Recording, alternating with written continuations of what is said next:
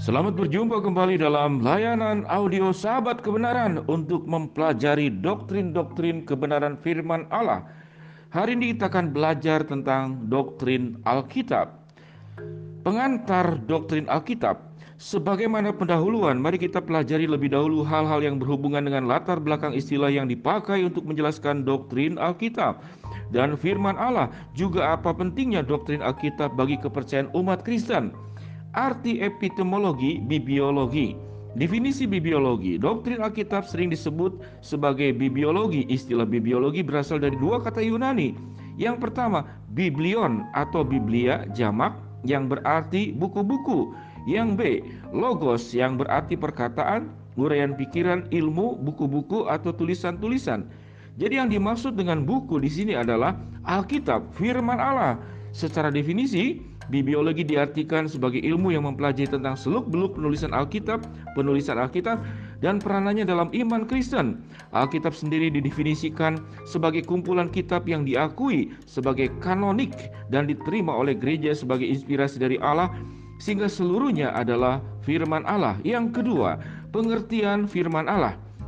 Sebelum melanjutkan kepada pembahasan yang lebih mendalam, kita perlu mengerti lebih dahulu arti istilah firman Tuhan. Ada beberapa arti yang diberikan oleh Alkitab tentang istilah ini. A.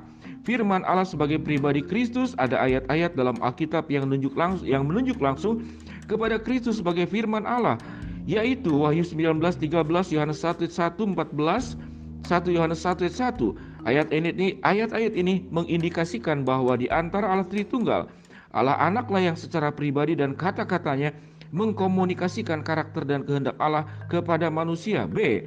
Firman Allah sebagai perkataan Allah langsung langsung Allah sering dicatat dalam Alkitab berbicara secara langsung kepada manusia dan manusia dapat mendengarnya dengan jelas sebagaimana yang dikatakan Allah seperti ketika Allah berbicara kepada Adam dan orang-orang yang Tuhan perkenan, baik dalam perjanjian lama maupun baru. C. Firman Allah sebagai kata-kata yang diucapkan oleh Allah.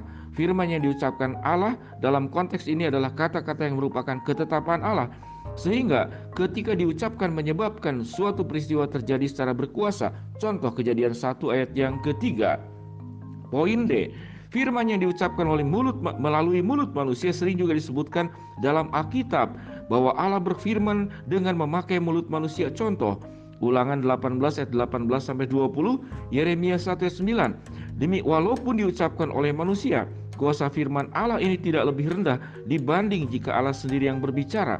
Tidak mempercayainya akan memberikan akibat yang sama seperti kalau tidak mempercayai Allah. E. Firman Allah dalam bentuk tulisan. Alkitab juga mencatat bahwa firman Allah juga yang dituliskan. Misalkan ketika Allah memerintahkan Musa untuk menuliskan apa yang ingin agar Israel mendengarkannya. Keluaran 31 ayat 18. Contoh yang lain adalah Yosua, Yosua 24 ayat 26 dan juga Paulus dalam perjanjian baru 1 Korintus 14 ayat ke-37. Firman yang ditulis juga memiliki kuasa sebagaimana ketika Allah sendiri yang berbicara Fokus dari mempelajari doktrin Alkitab adalah dalam konteks pengertian yang terakhir, yaitu Alkitab sebagai firman Allah yang ditulis dalam bentuk tulisan. Firman Tuhan yang tertulis dalam Alkitab inilah yang menjadi objek untuk kita pelajari dan teliti. Bentuk-bentuk firman Tuhan yang lain tidak mungkin kita pelajari karena tidak mungkin bisa kita alami lagi. Yang ketiga, letak doktrin Alkitab dalam teologi sistematika Doktrin Alkitab adalah salah satu bagian dari teologi sistematika yang dianggap paling penting karena tanpa penerimaan yang jelas akan doktrin Alkitab, maka seluruh doktrin yang lain akan mengalami kesulitan untuk diterima sebagai standar kebenaran iman Kristen. Penerimaan doktrin Alkitab berawal dari beberapa peranggapan yaitu A. Bahwa Allah telah berkenan menyatakan dirinya untuk dikenal oleh manusia. Pernyataan Allah ini diberikan oleh Allah kepada para nabi dan rasulnya untuk dituliskan dalam tulisan yang dapat dimengerti oleh manusia. Segala sesuatu yang Allah ingin manusia tahu telah disampaikan kepada mereka dan dituliskan dalam apa yang kita sekarang kenal sebagai Alkitab. Karena itu, Alkitab adalah sumber utama untuk manusia mempelajari tentang Allah dan hubungannya dengan manusia serta semua ciptaan lainnya. B. bahwa manusia tanpa pernyataan Allah tidak mungkin mengetahui apa pun tentang Allah.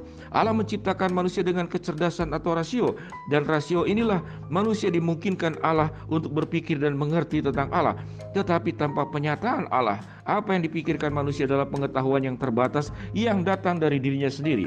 Karena itu Allah memberikan penyataannya secara tertulis yaitu Alkitab supaya dapat dibaca dan dipelajari oleh manusia sehingga manusia dapat tahu tentang Allah dan Allah sendiri sebagai sumber kebenaran. C bahwa manusia sudah jatuh dalam dosa. Kejatuhan manusia dalam dosa membuat rasio manusia terdistorsi sehingga tidak mampu lagi mengerti dengan benar firman Tuhan atau Alkitab.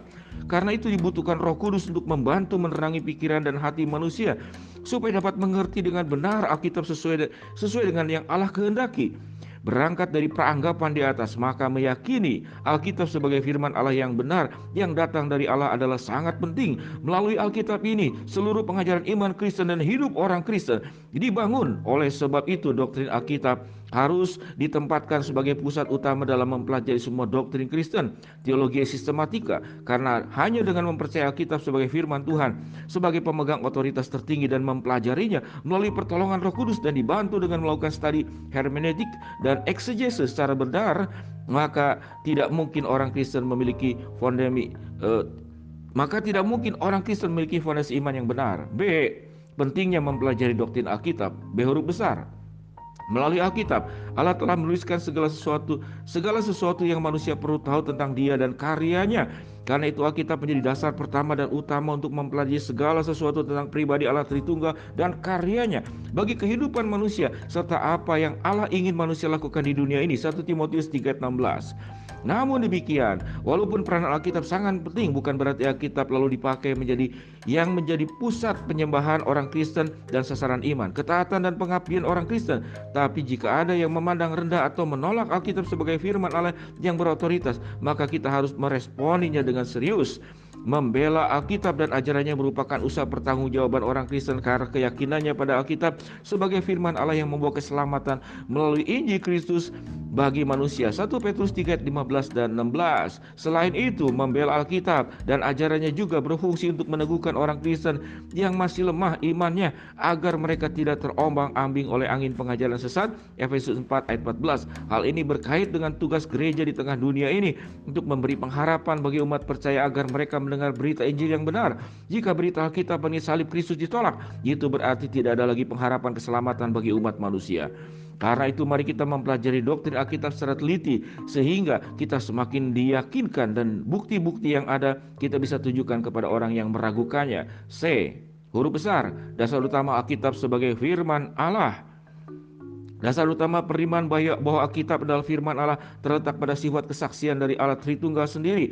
Beberapa penjelasan berikut ini yang memberikan dasar yang kuat. Satu, sifat-sifat Allah Tritunggal. Bahwa sifat Allah yang sempurna, benar, suci menjamin. Bahwa apa yang ditulis dalam Alkitab menjamin uh, adalah firman-Nya yang tidak mengandung kesalahan. Dan saat ke saat, dari saat ke saat terbukti bahwa Allah lah yang menuliskan Alkitab karena kebenarannya sungguh teruji.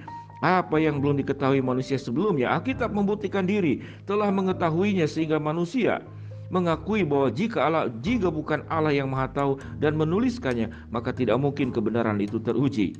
Kesempurnaan sifat Allah menjamin bahwa firman-Nya pasti benar dan tidak mengandung kesalahan.